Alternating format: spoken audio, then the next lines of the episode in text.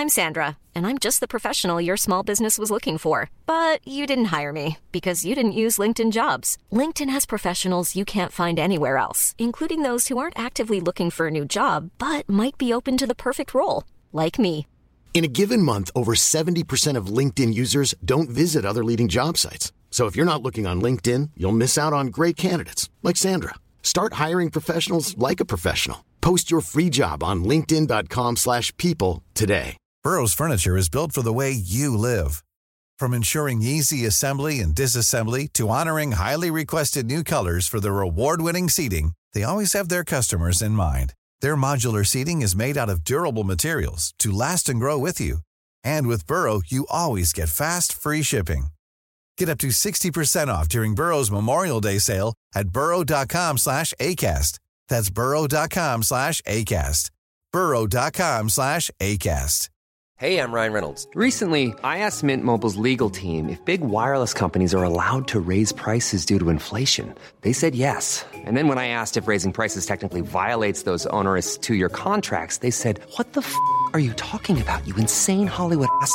So to recap, we're cutting the price of Mint Unlimited from $30 a month to just $15 a month. Give it a try at mintmobile.com slash switch. $45 upfront for three months plus taxes and fees. Promo for new customers for limited time. Unlimited more than 40 gigabytes per month. Slows. Full terms at mintmobile.com.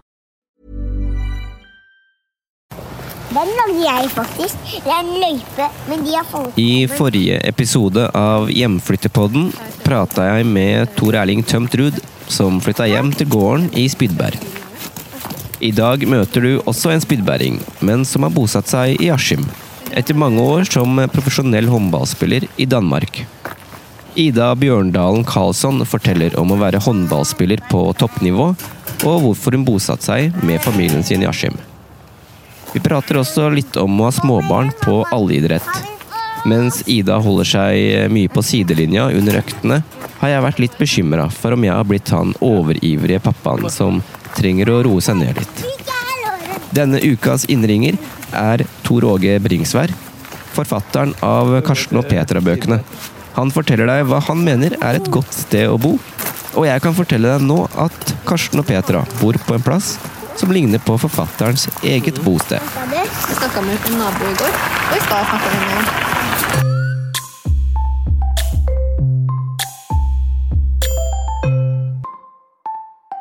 Velkommen, Ida Bjørndalen Karlsson. Jo, takk. Hvor eh, kommer du fra? Jeg kommer fra Spydeberg. Hvordan var det å vokse opp der? Eh, Jeg syns det var veldig bra. Eh, Nå har jeg en mann da, som er eh, oppvokst eh, ikke så langt fra Stockholm. Så når han har vært i Spydeberg, så tenker han hvordan kan man vokse opp i Spydeberg? Det er liksom ingenting å gjøre der. Men når du vokser opp der, så tenker du ikke på det. Eh, Da finner man på masse i gatene og har det gøy med venner og sånn. Og så, og så drev jeg selvfølgelig med noen aktiviteter, da, utenom eh, skole og sånn. Begynte ganske tidlig med håndball og friidrett og turn. Det første jeg begynte med, var faktisk turn. Beskriv um, hvordan det så ut der du vokste opp, og hvem du tilbrakte mest tid med. Eh, Jeg vokste opp i et boligfelt. Ehm, Og det var liksom Mange av dem jeg har gått i klasse med på barneskolen, bodde veldig nærme. da. Så vi hang veldig mye sammen, egentlig, på fritida. Men ja, det er vanskelig å forklare eksakt hvor jeg bodde hen, da. Jeg bodde et sted som heter Furustien. Så de som er fra Spydeberg, veit jo sikkert hvor det er. Det er liksom opp og forbi ungdomsskolen og forbi skogen der. Og hvordan hadde du det på ungdomsskolen og videregående? Ungdomsskolen, det sånn Følte ikke helt at det var min glansperiode. Da hadde jeg regulering i to år og Men jeg hadde det veldig fint, altså. Eh, altså skole har egentlig alltid vært eh, helt fint, syns jeg. Syns det har vært gøy å lære å og sånn. Videregående, det var jo selvfølgelig litt annerledes, for da møtte man ganske mange nye mennesker, da, som man ikke har sett før. Fordi eh, da kom man til Askim. Det er jo ikke videregående i Spydberg. Eh, Så der eh, gikk jeg idrettsfag tre år. Kanskje noen av de beste tre åra jeg har hatt. Syns det var utrolig fine år. Eh, Vi var utrolig sammensveisa gjeng, vi som gikk i den klassen. Var på mange turer og drev selvfølgelig mye idrett, som, som jeg liker. Så det var tre veldig fine år. Når eh, tenkte du først at du kunne bli profesjonell håndballspiller? Mm, jeg har aldri vært en sånn som tenker at jeg skal bli verdens beste og sånn. Det er jo mange som Mange av de gode nå som har sagt det og tenkt det veldig tidlig. Jeg har alltid vært veldig fascinert av eh, spillet. Og jeg har vært veldig heldig at jeg har foreldre som alltid har um, kjørt meg til trening. Og når, var, når, jeg var liten, så var vi en del i Oslo. Da var jo Bekkelaget kjempestore. Anni Andersen og sånn spilte der. Kjersti Grini, Susann Goxer. Så var vi inne og så på dem, og da husker jeg drømte om liksom spille på et sånt lag, for de hadde liksom Når du kom til hallen, så hadde alle hver sin bil, sto lina utafor hallen. Men nå når jeg har vært profesjonell sjøl, så vet jeg at det er jo bare leasingbiler. Men det var liksom drømmen. Og liksom, å, tenk hvis man kunne fått en sånn bil og sånn. Og så har jeg egentlig bare fulgt strømmen, liksom. Jeg har eh, Spilt i, jeg har spilt alle mine barndomsår da, i Spydberg og Skiptvet. Fram til jeg var 15. Og så fikk jeg forespørsler fra Trøgstad om jeg ville komme dit. Da var det en gammel landslagsspiller som eh, var trener der, Ingrid Steen. Og så tenkte jeg ja, skal man Da var jo liksom Når man kommer sånn 15-16-årsalderen, da er det liksom folk begynner å tenke enten så spiller du lenger, eller så legger du opp. For da begynner andre ting å bli ganske gøy. Da er det liksom gutter og begynner det å bli spennende med festing og Da tenkte jeg nei, satse. Se. Se om det går. Og så gjorde jeg det. Spilte jeg der i to år. Det var bare andredivisjon, førstedivisjon. Fikk jeg veldig mange tilbud etter det. Og så dro jeg til Stavanger. Det var min første eliteserieklubb, da. Spilte i Sola i tre år. Hvordan var overgangen til Stavanger og, og det skulle bo der? Altså, jeg valgte også litt eh, Stavanger fordi at eh, jeg kjente noen av de som spilte der. Det var eh, Lurer på om det var, ja, det var tre spillere fra juniorlandslaget mitt. Så jeg visste allerede hvem noen av jentene var. Så det var sånn unge talenter da, som spilte på det laget da. Så jeg flytta jo inn sammen med to av dem. Um, så det sosiale var kjempebra i Sola. Eh, men sånn sportslig så var det ikke så bra, for da Ganske tidlig i første sesongen jeg var der, så fikk jeg en alvorlig kneskade. Eh, brusk og menisk og hele pakka. Var ute Kunne ikke løpe eller gå på ett år. Og så begynte jeg å trene meg opp, så jeg var ute halvannen sesong. Det var så ille at jeg fikk beskjed om at eh, hvis jeg prøvde å løpe på det og sånn, så kunne jeg aldri kunne gå igjen. Så det var litt sånn heavy å flytte fra alt det trygge, gode, og så skulle du liksom dit for å spille håndball, og så fikk jeg nesten ikke spilt. Men øh, jeg gikk på skole også nå, da, så jeg prøvde å ha noe utenom bare det å spille. Um, så jeg tok idrettsfag et år, og jeg tok historie et år, og, og sånn. Og så plutselig så var jeg klar igjen, da. Så kunne jeg begynne å spille igjen. Og så Ja. Så var jeg der eh, kanskje et år til, og så dro jeg til Larvik. Så var jeg der i to og et halvt, og så dro jeg til Danmark. Vi må hoppe noen år tilbake, for du debuterte som 16-åring på det norske ungdomslandslaget. Mm. Beskriv hvordan det føltes å vite at du var blant landets aller beste tenåringer i håndball. Eh, jeg har jo alltid kanskje mm, ikke hatt sånn den beste troen på meg sjøl da når jeg var ung. Jeg liksom, på kretslag her i Askim, husker jeg, så tenkte jeg jeg kommer sikkert ikke med, jeg er sikkert ikke god nok. Og så sett i ettertid, så var jeg jo liksom sikkert den beste som var der. Um, og sånn var jeg litt på ungdomslandslaget òg, for da hadde vi masse sånn samlinger til å begynne med, husker jeg. sånn og så skulle man se hvem på sitt lag som kanskje kunne være med på en samling. Og så begynte de å plukke ut derfra, og så kom du liksom Så begynte samme Østfoldinga, og så, og så husker jeg så kom jeg videre etter det òg. Det var bare sånn wow, at jeg klarte det. Og da husker jeg kom på samling med flere som var fra Oslo-laga, Stabæk og sånn, og da tenkte jeg at disse er bra, liksom. Og så kom jeg liksom videre fra det òg, da. Så det var sånn Jeg skulle kanskje ønske at jeg hadde litt bedre tro på meg sjøl da når jeg var ung, for da hadde man liksom gitt litt mer F og gønna litt mer på. Ikke det at jeg ikke kom langt, men eh, det å liksom tro på egne ferdigheter. Det er liksom viktig, det òg. At man ikke hele tiden går og snakker seg sjøl ned, da. Um, men det var jo kjempestas å komme med. Hvor tror du den usikkerheten eller eh, beskjedenheten kom fra? Jeg, jeg veit ikke. Uh, jeg har vel alltid vært litt sånn når jeg var liten, beskjeden. Uh, redd for å feil. Hele tiden lyst til at det skal være så godt som mulig. Så jeg har vel alltid liksom Aldri vært helt fornøyd. Alltid tenkt at det kunne bli litt bedre. Litt sånn der uh, flink jente-syndrom. Uh, det har heldigvis gitt seg, da, med, med åra at jeg har blitt flinkere på å gi litt mer F og sånn, men det, i mange ungdomsår så har jeg liksom eh, ikke vært mentalt eh, svak, men jeg har vært sånn spillmessig, i hvert fall, på håndballen og sånn, så kunne jeg være sånn Missa jeg to skudd, så funka ikke resten av kampen og sånn, og det Man eh, finner ut at det mentale har veldig mye å si i idrett også utenfor idretten, da, selvfølgelig. Eh, og det har jeg jobba mye med, så det har blitt ble utrolig mye bedre de siste åra som proff, i hvert fall. Du har spilt eh, i flere toppklubber, mm. i Larvik og flere danske klubber. Kan du beskrive en vanlig arbeidsuke som proff håndballspiller? Jeg tror mange som Hvis du liker å trene, så tror jeg mange som vil bytte den arbeidsuka med deg. Um, man eh, trener én til to ganger om dagen. Um, altså når man er i Skandinavia, så er fordelen at man ikke trener håndball mer enn én gang om dagen. Kommer du ned til Balkan, så trener de ofte kun håndball. Og da har du ball to ganger om dagen. og det Altså det vil jeg bare påstå at det, det tåler man ikke. Eh, det er veldig mye slitasje med all den kroppskontakten, så man trenger det fysisk også. Både styrke og løp, så det er vi veldig flinke med her i Skandinavia.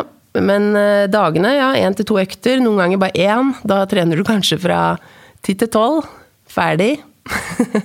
og så bestemmer du jo sjøl om du trenger noe Noen skal jo på behandlinger og trenger å trene noe i forhold til å holde onter i sjakk og sånn. Og så er det én til to kamper i uka. Um, ofte onsdager, og så én i helga. Uh, det som er ulempen da med å være proff, det er at alle dager er like. Du har liksom aldri sånn Husker alle vennene var sånn Yes, nå er det fredag, nå er det helg, liksom. Men det, liksom, det eksisterer ikke i vår verden, da. Og all sånn der påskeferie, juleferie Det er der de legger inn mange av de store kampene, for da vil publikum eh, se på håndball. Så man spiller liksom kamper påskeaften og vi hadde kamper noen ganger 22. desember og 27. desember. Og heldigvis så begynte de å legge litt mer til rette for spillere også etter hvert. Altså, for det er mange utenlandske spillere som gjerne vil hjem, spesielt i jul. Påsken er ikke så viktig, men jula er ofte viktig. Så helt klart eh, anbefale hvis man liker å trene en sånn eh, arbeidsuke. Tjener godt, jobber ikke så mye, mye fritid. Men eh, du er liksom på jobb da, hver dag. Har aldri fri. Lærte du noe hjemmefra som hjalp deg på banen som spiller? Altså, mine foreldre, de har alltid vært De har aldri pusha, liksom. Noen tenker jo at det skal skal unga bra, bli bra, da, så må du liksom presse på Ja, du må trene ditt og gjøre datt og sånn. Sånn har det aldri vært hjemme hos meg. De har liksom støtta oss for det vi vil drive med, da. Og når de fant ut at jeg vil drive med håndball, så har de jo kjørt meg Da jeg begynte i Trøgstad, f.eks., så hadde jeg jo ikke lappen. da, Jeg var bare 17, 16. Så mamma kjørte Trøgstad i sånn to år og sitter og setter meg trene håndball. Ehm, så de har alltid liksom virkelig backa opp. Hvis det ikke hadde vært for dem, så hadde det jo ikke blitt så bra. Men um, altså det jeg kanskje kan ta meg hjemmefra, har alltid vært sånn Man skal kunne se seg sjøl i speilet, da. At uh, jeg, jeg, kunne aldri ha blitt en sånn spiller Altså mange som Kanskje de aller beste er jo liksom hakket litt for egoistiske, på en måte. De tenker jo veldig mye på meg og mitt og Altså, jeg tenker av og til at jeg kunne vært hakket mer sånn gi F, men jeg er veldig glad for at jeg har med bagasjen det der å se andre og tenke på andre og kunne se seg sjøl i speilet når arbeidsdagen er ferdig. Så det har jeg med mye hjemmefra. Hva er det du legger merke til som tilskuer når du ser på håndball eller annen idrett, som en som ikke er eh, tidlig proff eller ekspert, eh, får med seg? Det er eh, veldig mange verdensmestere som sitter på tribunen. Jeg er veldig glad for at jeg ikke hører hva alt, alle det de sier. Når jeg spilte sjøl, at man ikke kan høre hva alle disse verdensmesterne sier for noe. For det, du får veldig mye kjeft og svin altså, på tribunen. Men det er jo engasjement, da. Så det er jo det, er jo det som er gøy med idretten. Um, mens altså det Vi som har vært med i game og vært toppidrettsutøvere, tror jeg, dem er vel kanskje høres kanskje minst engasjert ut på tribunen. Vi følger vel liksom litt mer med. Og liksom Går ikke helt opp i det røde feltet hvis de som dømmer eller sånn gjør noe feil, da, som kanskje publikum gjør. Det blir mye buing på dommere og motspillere og sånn. Jeg tror kanskje man sitter og følger litt mer på spillet, da. På sjølve idretten, og ser, liksom, får med seg litt mer av det. Når du sitter hjemme da og ser på eh, håndballkamp på TV, hva slags ting er det du følger med på under kampen? Hva, heng, hva henger du deg opp i? Hva er det du liker å se skjer og sånn? Altså, jeg liker jo å se hva for spill de kjører, hva som funker, da. Ikke alltid på liksom og hvis de kanskje prøver noe nytt, om det funker og og så liker jeg selvfølgelig å sitte og følge med på dem jeg kjenner, da. Om det går bra for dem og sånn. Jeg heier jo på vennene mine. Um, men jeg og Altså, min mann spiller jo også håndball, så vi, vi ler jo noen ganger når vi sitter i sofaen, da. De Noen av de kommentatorene som er med, som kommenterer håndballkamper, da. Dem er der jo også noen ganger for liksom underholdninga, da. Businessen. At de kanskje ikke kan ser alt som vi ser. Men da tenker vi også av og til Altså, det de sier, det tror jo folk på. Sånn. Men noen ganger så stemmer ikke alt det som blir sagt, da, føler jeg. er det noe du har savna fra sånne kommentatorer eh, som, som seer sjøl? Altså, jeg vet Det er jo fint med kommentatorer også som lager litt stemning og liksom Jeg har vel ikke savna noe, men det er selvfølgelig av og til så kan de liksom si liksom Jeg syns det er litt synd da kanskje at man etter liksom i stedet har missa to skudd bare, Oi, han har virkelig ikke en god dag i dag, liksom. Og så tenker folk da han har vært dårlig. Og så, så, sier de ingenting, da, kanskje når de har gjort liksom, tre gode ting i forsvaret. Og, og, så begynner de å treffe på skudd, og så alt i alt så har de egentlig hatt en god kamp. Men hvis, de, hvis kommentatorene da begynte å si at det har vært dårlig, så er det ofte sånn da er det dårlig i hele den kampen. så det er jo litt synd, da. Hva er det verste du har hørt om deg sjøl? Oh, heldigvis så ser jeg ikke så mye mm, Altså Hvis jeg ser kamper av meg sjøl, så hører jeg Noen ganger så skrur jeg av det der kommentatorgreiene. For jeg liker å se hva jeg faktisk har gjort, da, enn å høre på hva de mener eh, jeg har gjort. Altså, mye Det meste preller, da. Altså, om de sier ja, 'hun har ikke dagen', eller 'i dag er Ja. Så noen ganger så stemmer det jo, da. noen ganger har man jo ikke dagen. Men eh, altså med åra så har jeg brukt veldig lite energi på å høre på hva folk eh, mener og syns om eh, det jeg gjør. Utenom treneren, selvfølgelig. det er viktig. hva kjennetegner en god trener, da? En god trener syns jeg um, ser spillerne sine. Man ser om For det første så ser man hvilke ferdigheter de har, da, som man kan utnytte i et lag. Hva er du faktisk god på? Og så sette opp et spill som gjør at du får utnytta mest mulig ferdigheter til hver enkelt. For vi har jo veldig forskjellige ferdigheter. Noen er jo Hvis du ser på Nora Mørk, da, så er hun jo liten og eksplosiv. Fintespiller, liksom setter dem jo ofte kanskje opp litt mer mann-mann-spill, og hun er også veldig god til å komme i luker, da, for hun har en playmaker som eh, skaper plass. Men hvis, sånn som meg, så er det jo mer eh, skudd og og er mye mer i luft, da. Jeg er mye mer sånn spiller som er oppe i lufta og sånn. Så en trener ser jo sånne ting. og så setter man opp spill som, som gjør at spilleren blir best mulig. Og så ser de også, hvis man liksom henger litt med huet og tar en snakk med de og lytter til kanskje ting som de tenker, da. Så ofte så syns jeg trenere er, hvis de er nystarta som trener, proff, så tenker de jo 'jeg veit alt, kan alt, vet best'. Vi kjører på det jeg syns. Og så finner de ut at eh, det er en god idé å liksom dra inn eh, laget, da. Hvis du, hvis du, skal få et lag til å spille bra, så må du ha laget med deg. Um, og det gjør man også ved å liksom gi dem uh, litt ansvar, da. Fordi man som spiller så ser man også noen ting når man er på banen som du kanskje ikke får med deg når du sitter på benken. Hvordan er en bra trener sånn mellommenneskelig og sosialt? Jeg kjenner jo trenerrollen mest fra lavere nivåer innen fotball, mm. og da er det veldig mye sånn jovialitet og guttastemning og, og litt sånn macho. Ja. Hvordan er det på høyt nivå innen håndball? Det er veldig forskjellig. En trener har jo liksom forskjellige stiler, da. Jeg har jo hatt uh, trenere fra Balkan, eksempel. Dem er jo Sier de ingenting, så betyr det at det er bra. Eh, de skryter jo sjelden av folk, liksom. Um, og sånn er det jo noen andre trenere som er, selvfølgelig òg, men uh, noen av de beste trenere jeg har hatt altså, Jeg syns f.eks. han som er landslagstrener for Danmark nå, Jesper Jensen, han uh, var førstegangstrener når jeg var i veien. Uh, da var det ikke kjærlighet ved første blikk. Eh, vi klaffa ikke sånn 100 da. Han tenkte jo at alt det han syntes var best og bra. Og jeg var jo 30 år, så jeg hadde vært med i gamet en stund.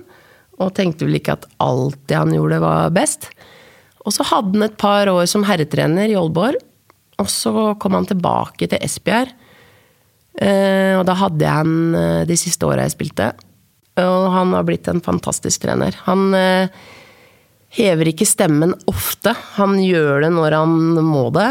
Eh, men han har respekt fordi han er taktisk god. Han har styr på alle motstandere. Han har styr på hva laget har av kvaliteter. Henter spillere inn i forhold til hva som vil passe til gruppa. Både, tenker egentlig både sosialt og, og spillmessig. Så han syns jeg han har blitt bra.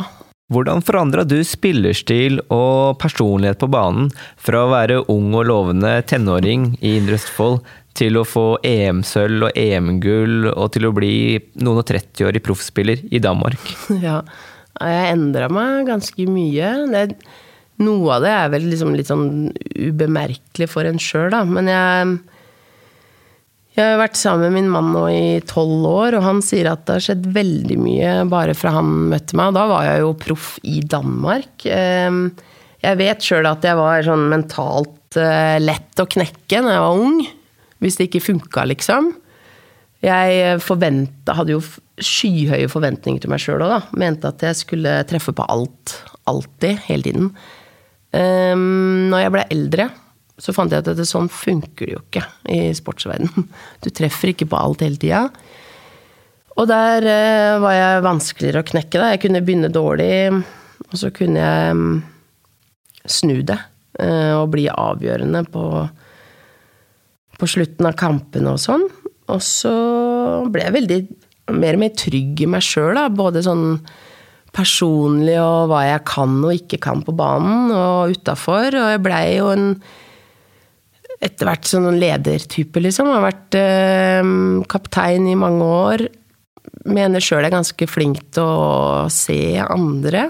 Så blei liksom Brukte en del tid på det også mot slutten. Og følge opp folk jeg så hang med huet, og og så ta det med treneren, for det er ikke alle som kanskje vil snakke med treneren. jeg har alltid hatt respekt for treneren, men på en måte sunn respekt, da. Altså, eh, når du var ung, så var du liksom nesten litt redd for treneren. Ikke sant? Kom på landslag, så var du liksom redd for å feile. Og turte ikke å drikke en brus, ikke sant? for får ikke lov til å drikke brus hvis det ikke er lørdag. Og sånn.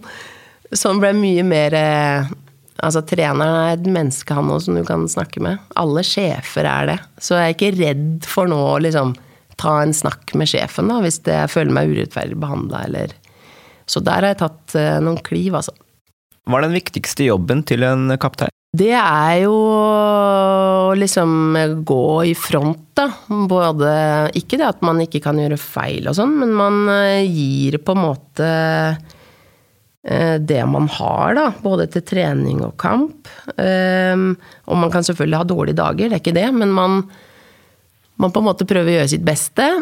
Og så er man også veldig flink til å se de andre.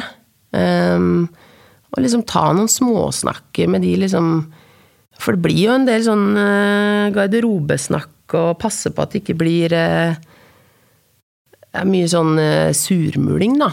Og det, det, merker du ikke så mye hvis det går bra på banen. Hvis lag vinner, så kan det være en del drit da også, men det er det ingen som snakker så mye om. Men når det begynner å gå dårlig, da er alt dårlig. Så det er liksom Da er det kapteinen da som må kanskje gå inn og sørge for at det ikke blir så mye snakking i kriker og krukker og sånn. For litt dårlig stemning og sånn, og det, det blir vi aldri bedre av. Det er bedre å gå direkte til den personen det gjelder, eller ja, om det skulle vært styre, trener eller andre spillere. Hva har du lært av en lang karriere i toppidretten mm. som du har fått nytte av i livet utenfor banen? Når man spiller på lag, så spiller du med veldig mange forskjellige mennesker da, i løpet av en karriere. Og finner fort ut at alle ikke er som deg. Vi tenker forskjellig, vi gjør ting forskjellig.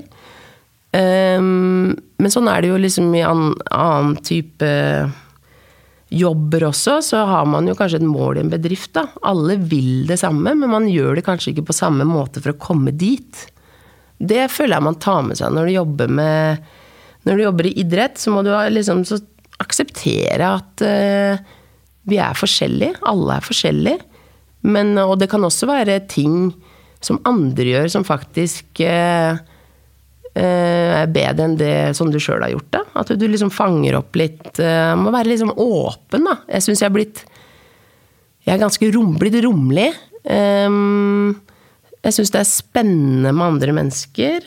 Og har veldig sånn høyt tak, syns jeg. Jeg veldig sånn aksepterer mye og Og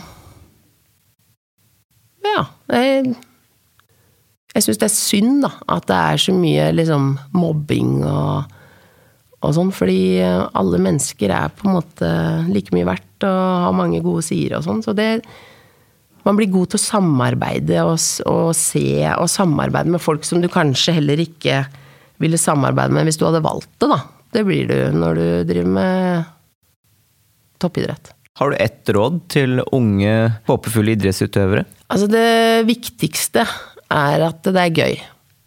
Skal du bli god i noe, eh, så må du synes det er gøy. For hvis du ikke synes det er gøy, så har du ikke lyst til å trene på det, og da blir du ikke bedre. Så det har liksom vært hele min Jeg har alltid sagt så lenge jeg har spilt, at uh, den dagen det ikke er gøy lenger, så slutter jeg. Og det var også grunnen til at jeg faktisk la opp ett år før jeg faktisk gjorde det. Fordi det året så begynte jeg å sitte mye mer på benken. Og det er selvfølgelig fordi det kommer noen up and coming under. Og så fant jeg ut at det her syns jeg ikke er noe gøy. Jeg har spilt for lenge til å bruke tida mi på å sitte på benken, så det gidder jeg ikke. Men så fikk jeg en ny trener. Så satt jeg plutselig ikke på benken lenger. Eh, og så blei håndball veldig gøy igjen. Og så bestemte jeg meg for å ta et år til. Så det er vel kanskje det man skal ta med seg hvis du syns det er gøy så kan du egentlig bli så god som du bare vil. Fordi da handler det Da vil du trene på det, og da blir du bedre. Og så blir du Jeg vet ikke om du blir best, men det kanskje. Hvor mye er trening, og hvor mye er talent hos dem som blir best? Det er mange mm, som ikke har vært talenter, som har blitt uh, sinnssykt bra. Uh, og så er det talenter som har blitt bra, og så Altså, det er en god blanding. Jeg var sjøl egentlig sånn barnetalent. Um, alltid hørt at jeg har vært eh, god i håndball. Um, men, uh, men, talent holder ikke. Altså, talenter som ikke trener, blir henta inn veldig fort. Uh, så du er nødt til å legge ned trening, må ville trene. Det er jo selvfølgelig unntak, da. Hvis du Balic på herresida, f.eks., Kroatia, han tror jeg aldri har trent sinnssykt mye, men sinnssykt talent som uh, har vært god allikevel. Så det fins unntak. Men eh, skal du bli ordentlig god, så må du legge ned en jobb, altså. Og et eksempel på det er faktisk Heidi Løke. Henne har jeg spilt med Hun spilte i Gjerpen når jeg var i Larvik og sånn. Og da var vi på landslagssamlinger sammen. Var ikke et fysisk eh, talent. Hun hopp, hadde kjempedårlig spenst, og det var masse som ikke var bra. Men hun har et treningstalent. Et sinnssykt treningstalent. Um, så hun fant ut at nå skulle hun satse. Begynte å trene. Og har vært verdens beste. Vi har jo begge barn på allidretten her i Askim. Mm. For barn mellom to og fem år. Kan du spotte talent hos barn i den aldersgruppa? Nei. Jeg er jo litt sånn anti det der å se etter talenter, da. Det er jo veldig mange som er veldig sånn ja Når de blir litt større, ja, vi må liksom dyrke talentene. Er dem som kan bli gode. Men eh, det er mange som ikke blir gode før de liksom ja, har blitt ganske gamle, faktisk. Eh, Så jeg, altså man kan jo se altså, om noen har kasta en ball før eller ikke, på en måte. Altså man ser jo, Og så ser man jo ofte hva for interesse foreldrene har. Fordi hvis du ser på huset, så ser, så ser man jo at hennes barn har talent for å løpe. Men det kan hende det er mange andre som ikke har løpt så mye, har også. Det er bare at uh, i den familien så løpes det mye, og da blir det også automatisk sånn at kanskje barna syns det er gøy å løpe. Men det betyr jo ikke at de blir uh, verdens beste løpere.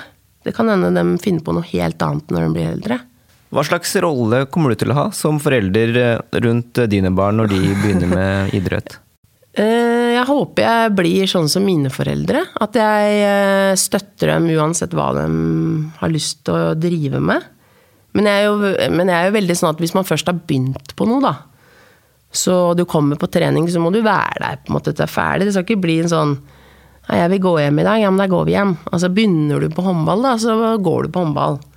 Og da går du der til du vil slutte, og slutter du, så slutter vi. Det er ikke sånn at vi kommer én gang, og så, og så er jeg ikke der eh, på tre ganger og sånn. Altså det er litt, litt Nå når de er sånn fire, så må de få teste seg litt fram, og sånn. men når de blir litt eh, større, så tenker jeg så går du på idrett, eller så går du ikke på idrett. Og syns du det er gøy, så støtter jeg 100% og så hvis det ikke er gøy, så prøver vi å finne på noe annet. Og så vil jeg være der. Vil dem øh, Syns dem det er gøy å trene og sånn, så vil jeg jo selvfølgelig være med og tilrette Jeg kan jo en del om trening, hvis den vil bli bedre og sånn, men jeg kommer ikke til å være den forelderen som står og presser unga mine, liksom. Sånn, noen foreldre er jo nesten sånn du føler at de vil leve sin drøm gjennom barna sine. Det kommer ikke til å være meg. Jeg til håper jeg kommer til å forholde meg sånn relativt rolig på tribunen, men nå har jeg ikke heia på barna mine før, da. Så jeg håper jeg er sånn sunn heiing, men ikke en sånn eh, som står og sviner verken motstandere eller dommere til, for det er det verste jeg veit. Foreldre som står og sviner til eh, sånne barnedommere. Altså, vi skal bare være glad at det er frivillig, vi, i idretten, som eh, gidder å gjøre noe. Sånn at våre barn kan få drive med idrett. Men tror du det har blitt vanskeligere for de som vokser opp i dag å ha det gøy med sporten sin, sammenligna med da du var ung? Altså, man hører jo snakk om øh, Det gjelder ikke bare sport, da, men både skole og at, at barn og unge føler mer press, da. Um, om det presset kommer mest fra dem sjøl eller utenfra, det er liksom Eller om det kanskje er en god blanding. Um, men ja, det er trist, syns jeg, da. At uh, For alle kan ikke være best i alt. Altså, du kan ikke være best i matte, engelsk, fotball. Altså, man må kanskje senke liksom forventningene sine, og så det man legger ned kruttet sitt i, det er liksom selvfølgelig der er man bedre. Og så må man akseptere at man kanskje ikke er best, liksom På absolutt alt hele tiden. Prøve å, prøve å nyte livet litt, ha det gøy. Også når du begynner å liksom å bli liksom seriøs, da, når du begynner å få proffkontrakter eller sånn. Altså, ikke glemme vennene dine. Prøve å være med på en fest når det er mulighet, ut og spise god mat, liksom, så ikke alt handler om det. Fordi at hvis hele livet ditt handler om det, så er det veldig opp og ned, liksom. Og spiller du en dårlig kamp da, så er jo livet et helvete, ikke sant? Eh, Men livet handler om mye mer enn eh, idretten og at du strøyk på den eksamen. Den eksamen kan du ta en gang til. Men når du er idrettsutøver på topp, topp nivå, er det mulig å ha det gøy uten å vinne? Ja, det er det. Eh, men det blir ikke så veldig gøy hvis du taper hele tida. altså, man blir jo Altså, man er jo ikke Man spiller ikke proffhåndball fordi eh, man skal delta. Man sier jo litt sånn når man er ung at det viktigste er å delta. Når du er proff, så får du penger for det. Eh, Og da er det business. Da er de som sitter på kontoret, dem håper Eller dem spiller du i toppklubbene, så, så krever de jo at eh, det går eh, ganske bra. For ellers så mister de pengesponsorer og sånt. Så, men det må du bare lokke ut da, altså når du spiller. Du kan ikke tenke på at eh, klubben skal ha inn penger. Men da vil det jo Altså alle de som spiller på det laget, vil vinne. Så man går jo ut til hver kamp for å vinne, og selvfølgelig noen kamper er viktigere enn andre. Eh, Spiller du eh, finale i EM eller eh, VM og OL sånn, så er det litt viktigere enn første seriekamp i ny sesong. Men det med vinnervilje og konkurranseinstinkt, har du det på andre områder enn håndball og sport? Altså, jeg, jeg har mer konkurranseinstinkt enn mannen min, i hvert fall. For han, han er virkelig sånn uh, uortodoks uh, toppidrettsutøver. Han syns det er veldig gøy å vinne, men syns ikke det er så farlig å tape. så, og han er virkelig ikke sånn uh, har vinnerinstinkt på verken spill eller noe uh, som helst. Jeg har mer vinnerinstinkt. Altså sånn kortspill og sånn, det, det går helt fint å tape, altså. Det er uh, ingen krise. Men hvis jeg deltar i noe, hvis jeg melder meg på et eller annet, så prøver jeg å gjøre så godt jeg kan, da. Vil jo helst ikke komme sist. Men hvis du hadde begynt å spille seniorhåndball her i Askim Ja. eller Indre Østfold på lavt nivå, hva slags eh, type hadde du vært på banen og i garderoben? Altså, jeg vil jo øh, vinne. Men jeg er ikke en sånn som står og sviner folk til, eller Jeg tror jeg er mer en sånn som pepper folk, og så kommer med tips, da, til hvis det er noe man kan gjøre annerledes eller noe. Og så vil jeg jo regne med at jeg da er en av de eldste på det laget. Så det blir vel en sånn der eh, morsgreie, da. Få jentene til å huske å ta med seg ting og Og så selvfølgelig komme med masse tips da, på banen. Jeg føler jo at jeg har en del å komme med for de som er up and coming. Og på banen, hvordan blir de tipsa levert? Blir det litt eh, kjeftesmell og kommandering? Nei. Eh, altså, når man er i kampens hete, altså, og det har vært en situasjon og den skjer flere ganger, så vet man jo ikke alltid hva som blir sagt. Jeg håper jeg kunne styrt meg altså, i tredjedivisjon, altså. Men, uh, men når man skal vite at når man er i kampens hete, så kan det bli sagt noen ting, men jeg er alltid veldig god til å Hvis jeg har kjefta på noen eller noe, så snakker jeg med dem etterpå. Um, og jeg er rimelig sikker på at hvis jeg hadde spilt uh, tredjedivisjon- eller fjerdedivisjonskamper, så tror jeg kunne kommet med ganske konstruktive tilbakemelding. Uh, nesten hele tida. Det er jeg rimelig sikker på. Men er det ikke viktig med litt eh, store følelser for å kunne prestere godt på banen? For noen er det jo veldig viktig. Altså, man må jo finne det mm, eh, Altså nivået, da, for at du presterer best mulig. Noen blir jo overnervøse, ikke sant. Og det er liksom Ingenting funker hvis du er helt Altså, du må jo finne ting som gjør at du liksom slapper mer av. Mens andre må jo liksom liksom finne måte å liksom trigge seg sjøl på, da. På, for det er ikke alle kamper som alltid er like viktig, og da må du jo finne et eller annet som gjør at at du prøver å yte ditt beste, da. Og jeg hadde jo noen ganger sånn Jeg, jeg likte ikke å kjenne alle spillere jeg spilte mot, liksom personlig. Fordi jeg på en måte gikk og sa til meg sjøl at det er noen av dem som er sånn og sånn, da. At jeg liker dem ikke. eh, uten å egentlig ha blitt kjent med dem.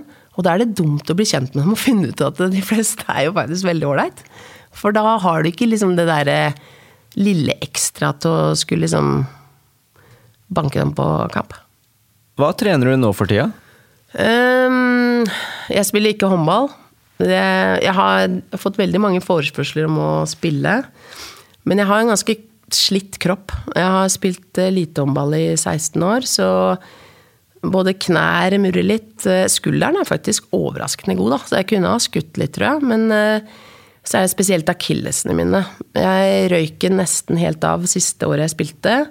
Og har ikke blitt eh, god igjen etter det, så jeg føler ikke jeg kan hoppe og sånn. Og hvis ikke jeg kan hoppe, så kan ikke jeg spille håndball.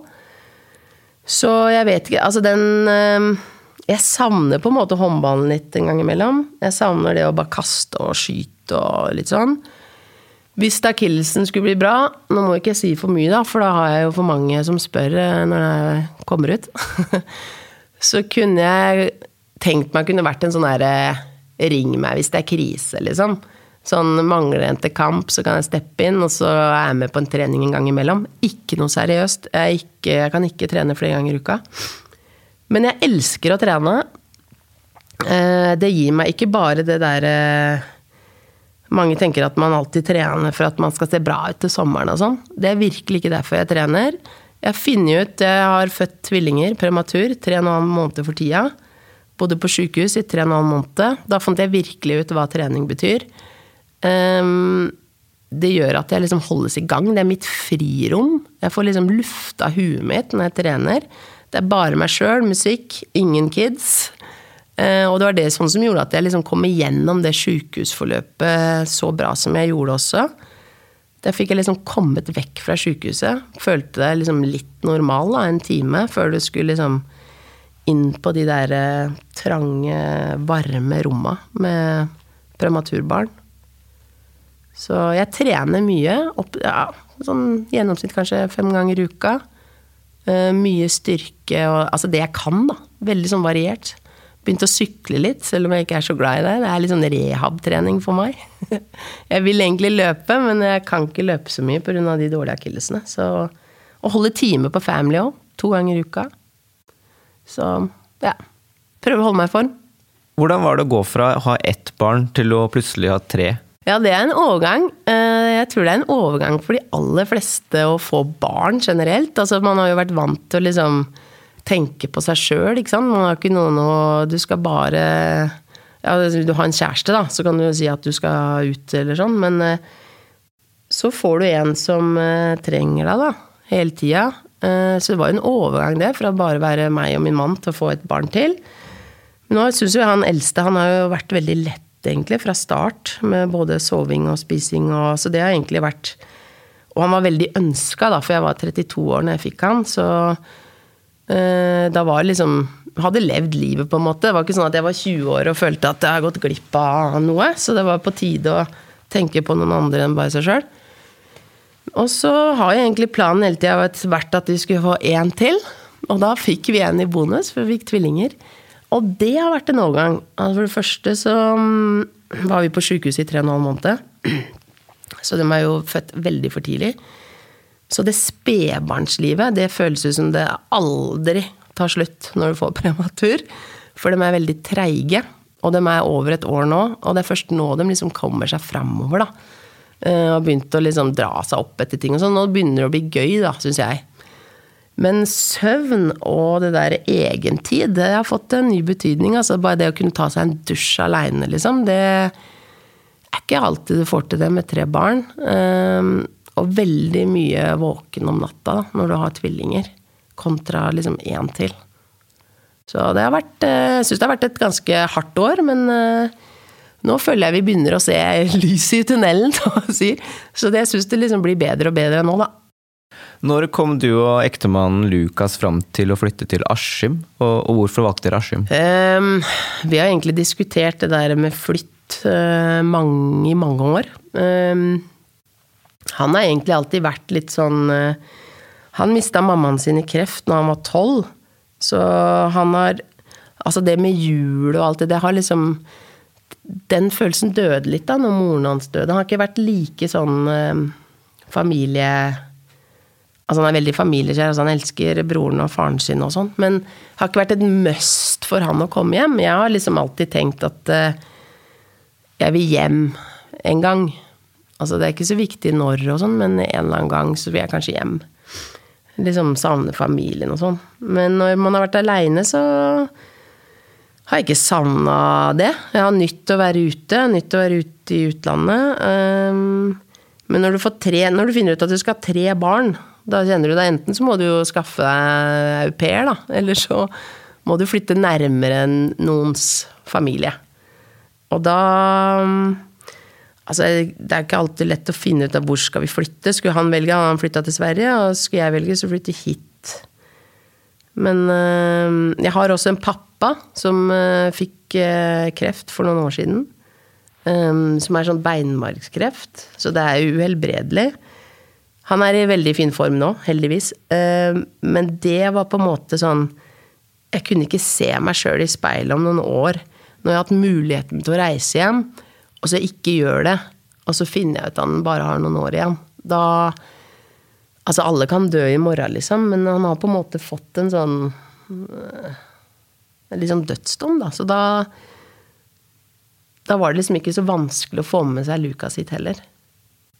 Um, så det var på en måte liksom Tungen på vektskåla var jo at han ble sjuk. Da følte jeg da Da skal vi hjem.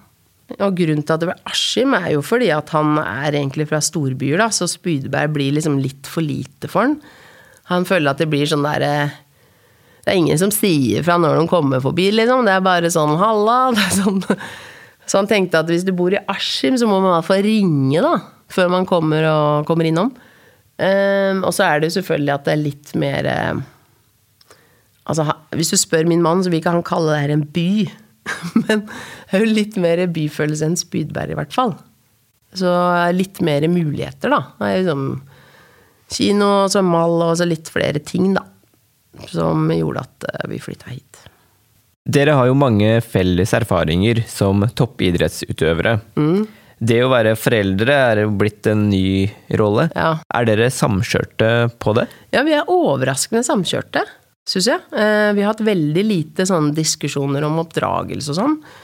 Vi er liksom Det viktigste liksom for oss er at vi liksom eh, får barn som på en måte er høflige og Altså, drømmen da, er jo at du får så selvsikre på en måte barn. De er så trygge i seg sjøl at hvis de oppser om mobbing, at de er dem som sier 'Kan du slutte med det der?' Altså, det hadde jo vært drømmen.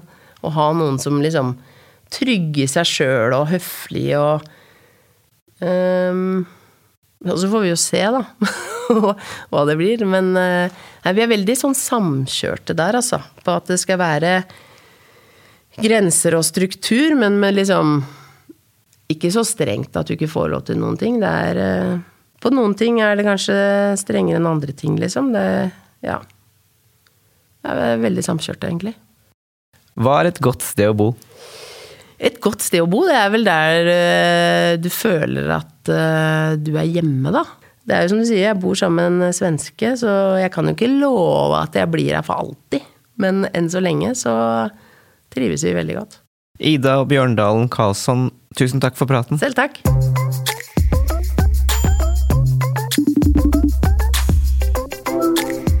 Ja, jeg hører deg, men jeg kan ikke se det. Jeg heter Tor Åge Bringsvær, og jeg er forfatter og dramatiker. Jeg bor på et lite sted som heter Hølen, og Hølen er spesielt i Norge. I Norge har vi veldig mange tettsteder og småbyer, men vi har ingen landsbyer. Unntagen Hølen. Jeg kommer fra eh, Skien, og den Skien som jeg vokste opp i, var jo en, en liten by. Og Det var det som var det hyggelige med, med Skien. Det var en nærhet øh, og en varme som man etter hvert mister. Etter hvert som man får disse store øh, kjøpesentrene fra Amerika, og, og, hvor alt skal sentraliseres osv. Av å vokse opp i Skien så, så, lærte jeg dette med nærhet og naboskap. Uh, alle, vi kjente hverandre.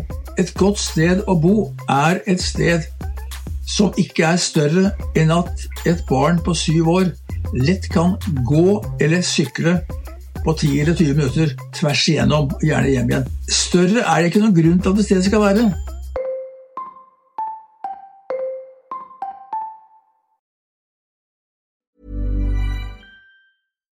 Deserves the best, and there's no better place to shop for Mother's Day than Whole Foods Market. They're your destination for unbeatable savings, from premium gifts to show-stopping flowers and irresistible desserts. Start by saving 33% with Prime on all body care and candles. Then get a 15-stem bunch of tulips for just $9.99 each with Prime. Round out Mom's menu with festive rosé, irresistible berry chantilly cake, and more special treats. Come celebrate Mother's Day at Whole Foods Market. Cool fact a crocodile can't stick out its tongue. Also, you can get health insurance for a month or just under a year in some states. United Healthcare short term insurance plans, underwritten by Golden Rule Insurance Company, offer flexible, budget friendly coverage for you. Learn more at uh1.com. Hey, it's Danny Pellegrino from Everything Iconic. Ready to upgrade your style game without blowing your budget? Check out Quince. They've got all the good stuff shirts and polos, activewear, and fine leather goods, all at 50 to 80% less than other high end brands. And the best part? They're all about safe, ethical, and responsible manufacturing. Get that luxury vibe without the luxury price tag. Hit up quince.com slash upgrade for free shipping and 365 day returns on your next order. That's quince.com slash upgrade.